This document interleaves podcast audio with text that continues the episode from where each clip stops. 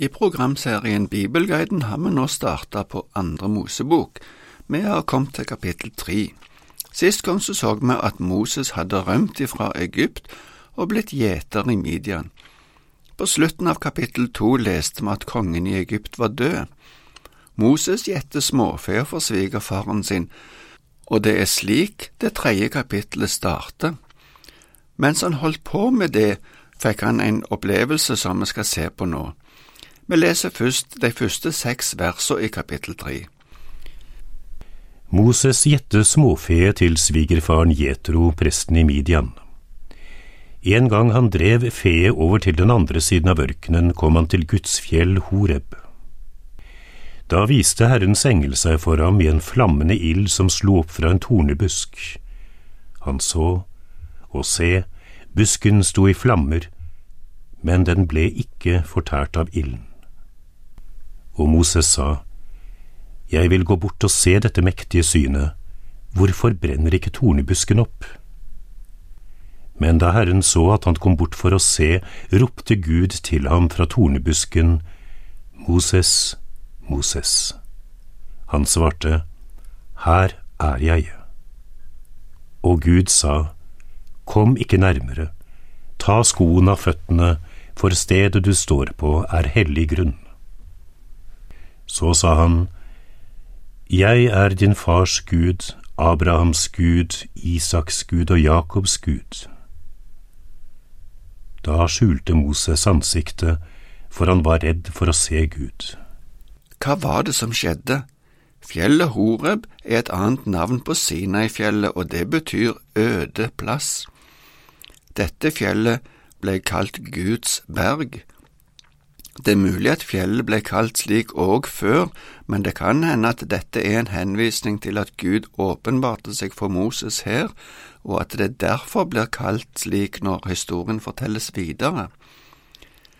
I noen kulturer får høye fjell gjerne en status som at det er noe guddommelig eller åndelig som bor der, men dette lar vi ligge nå.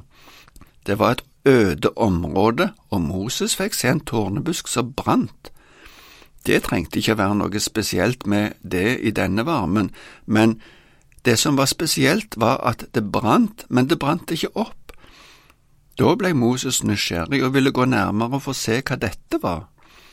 I teksten vår står det at det var Herrens engel som viste seg på denne måten.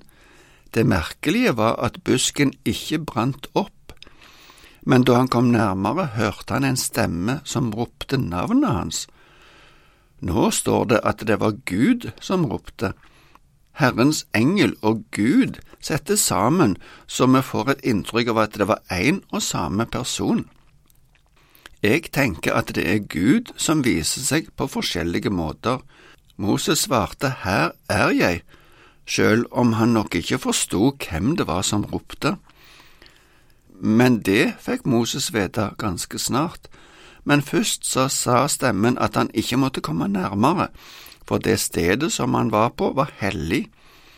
Det innebærer at Gud var til stede der. Stemmen forklarte videre med å presentere seg som Abrahams, Isaks og Jakobs Gud, selv om Moses var blitt oppdratt som egypter, visste han at han tilhørte Israels folk, og forsto at dette var Gud for stamfedrene i hans folk. Det ble en skremmende opplevelse for han, så han skjulte ansiktet. Han var redd for å se Gud, står det. I apostlenes gjerninger i det sjuende kapittel og vers 32, der Stefanus taler om dette, sier han at Moses skalv av redsel. Nå skal vi se litt videre på det som Gud sa til Moses, og vi leser nå ifra vers 7 til 16. Herren sa, Jeg har sett mitt folks nød i Egypt og har hørt skrikene deres under slavedriverne. Jeg kjenner deres smerte. Jeg har steget ned for å fri dem ut av hendene på egypterne og føre dem opp fra dette landet og inn i et godt og vidstrakt land, inn i et land som flyter av melk og honning, stedet hvor kananeerne og hetittene, amorittene og peresittene, hevittene og jebusittene bor. For nå har skriket fra israelittene nådd meg, og jeg har også sett hvor hardt egypterne undertrykker dem. Gå nå, jeg sender deg til farao. Du skal føre mitt folk, israelittene, ut av Egypt. Moses sa til Gud, Hvem er jeg? Kan jeg gå til farao og føre israelittene ut av Egypt? Han svarte, Jeg vil være med deg. Dette skal du ha til tegn på at det er jeg som har sendt deg. Når du har ført folket ut av Egypt, skal dere tjene Gud på dette fjellet. Da sa Moses til Gud, Sett at jeg går til israelittene og sier til dem, Deres fedres Gud har sendt meg til dere, og de så spør meg, Hva er hans navn? Hva skal jeg da svare dem? Gud svarte Moses, Jeg er den jeg er. Og han sa, Slik skal du svare israelittene, Jeg er, har sendt meg til dere. Og Gud fortsatte, Du skal si til israelittene, Herren fedrenes Gud, Abrahams Gud, Isaks Gud og Jakobs Gud har sendt meg til dere. Dette er mitt navn til evig tid. Dette skal jeg kalles fra slekt til slekt. Gud identifiserer seg med israelsfolket og sier videre at han har sett nøden til dette folket, han har hørt skrika og kjenner på smerten som de lider. Det er fint å tenke på for oss òg. Gud er en Gud som ser, som hører, og som kjenner på det som angår hans folk. Kanskje et enda viktigere moment er det som står i fortsettelsen, at Gud har steget ned for å fri ut sitt folk. Det er i første rekke et utsagn om at han nå vil frelse israelsfolket fra slaveriet, men vi kan òg ta det som et profetisk utsagn om at Gud steig ned og blei mennesket Jesus for å fri alle som tror, ifra syndens slaveri. Denne tanken vet vi er bibelsk, men ikke alle vil være enig i at dette er en profeti. Men du kan uansett ta med deg denne sannheten videre og grunne på den.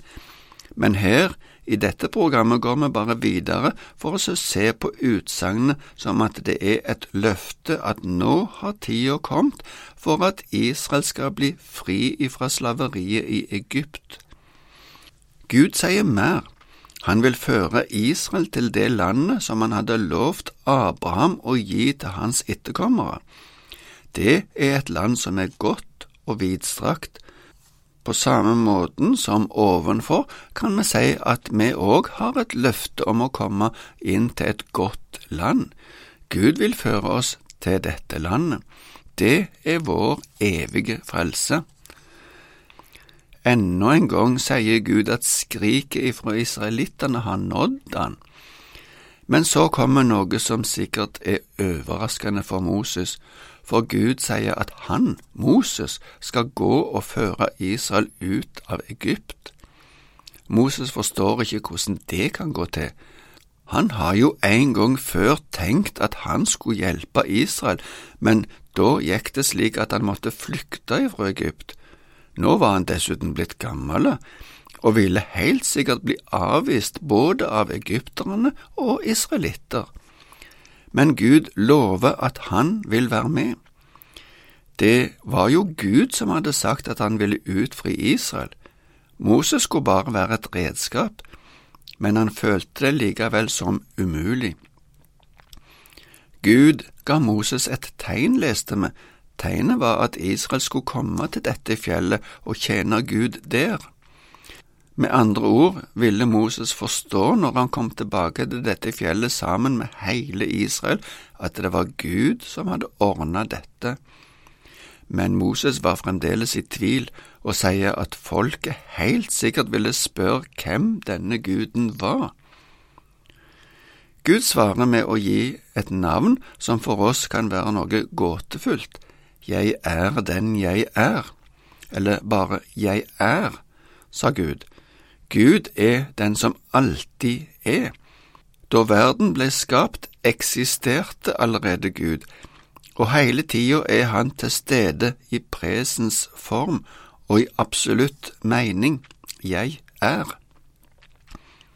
De fire bokstavene som i den hebraiske teksten var JHVH, som representerer Guds navn, blei av respekt for Gud aldri uttalt av jødene, og derfor er det usikkerhet knytta til hvordan det opprinnelige navnet blei uttalt.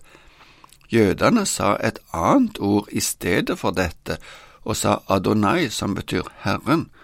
Noen mener at dette navnet skal uttales Javé, og andre har brukt Jehova på dette navnet, men jeg tror det er like godt å bare bruke uttrykket Herren om dette navnet. Men Gud føyde òg til at han er Abrahams Gud og Isaks Gud og Jakobs Gud. Dette viser at Gud vedkjenner seg etterkommerne av disse personene. Gjentagelsen brukes for å understreke betydningen av det som er sagt. Og dessuten vil Gud alltid kunne kalles Gud for Abraham og Isak og Jakob, og det går gjennom hele Bibelen, Abrahams Gud, Isaks Gud og Jakobs Gud. Planen var å komme gjennom dette kapittelet i dag, men nå ser jeg at jeg må vente med resten av kapittelet til neste gang. Takk for nå, og Herren være med deg.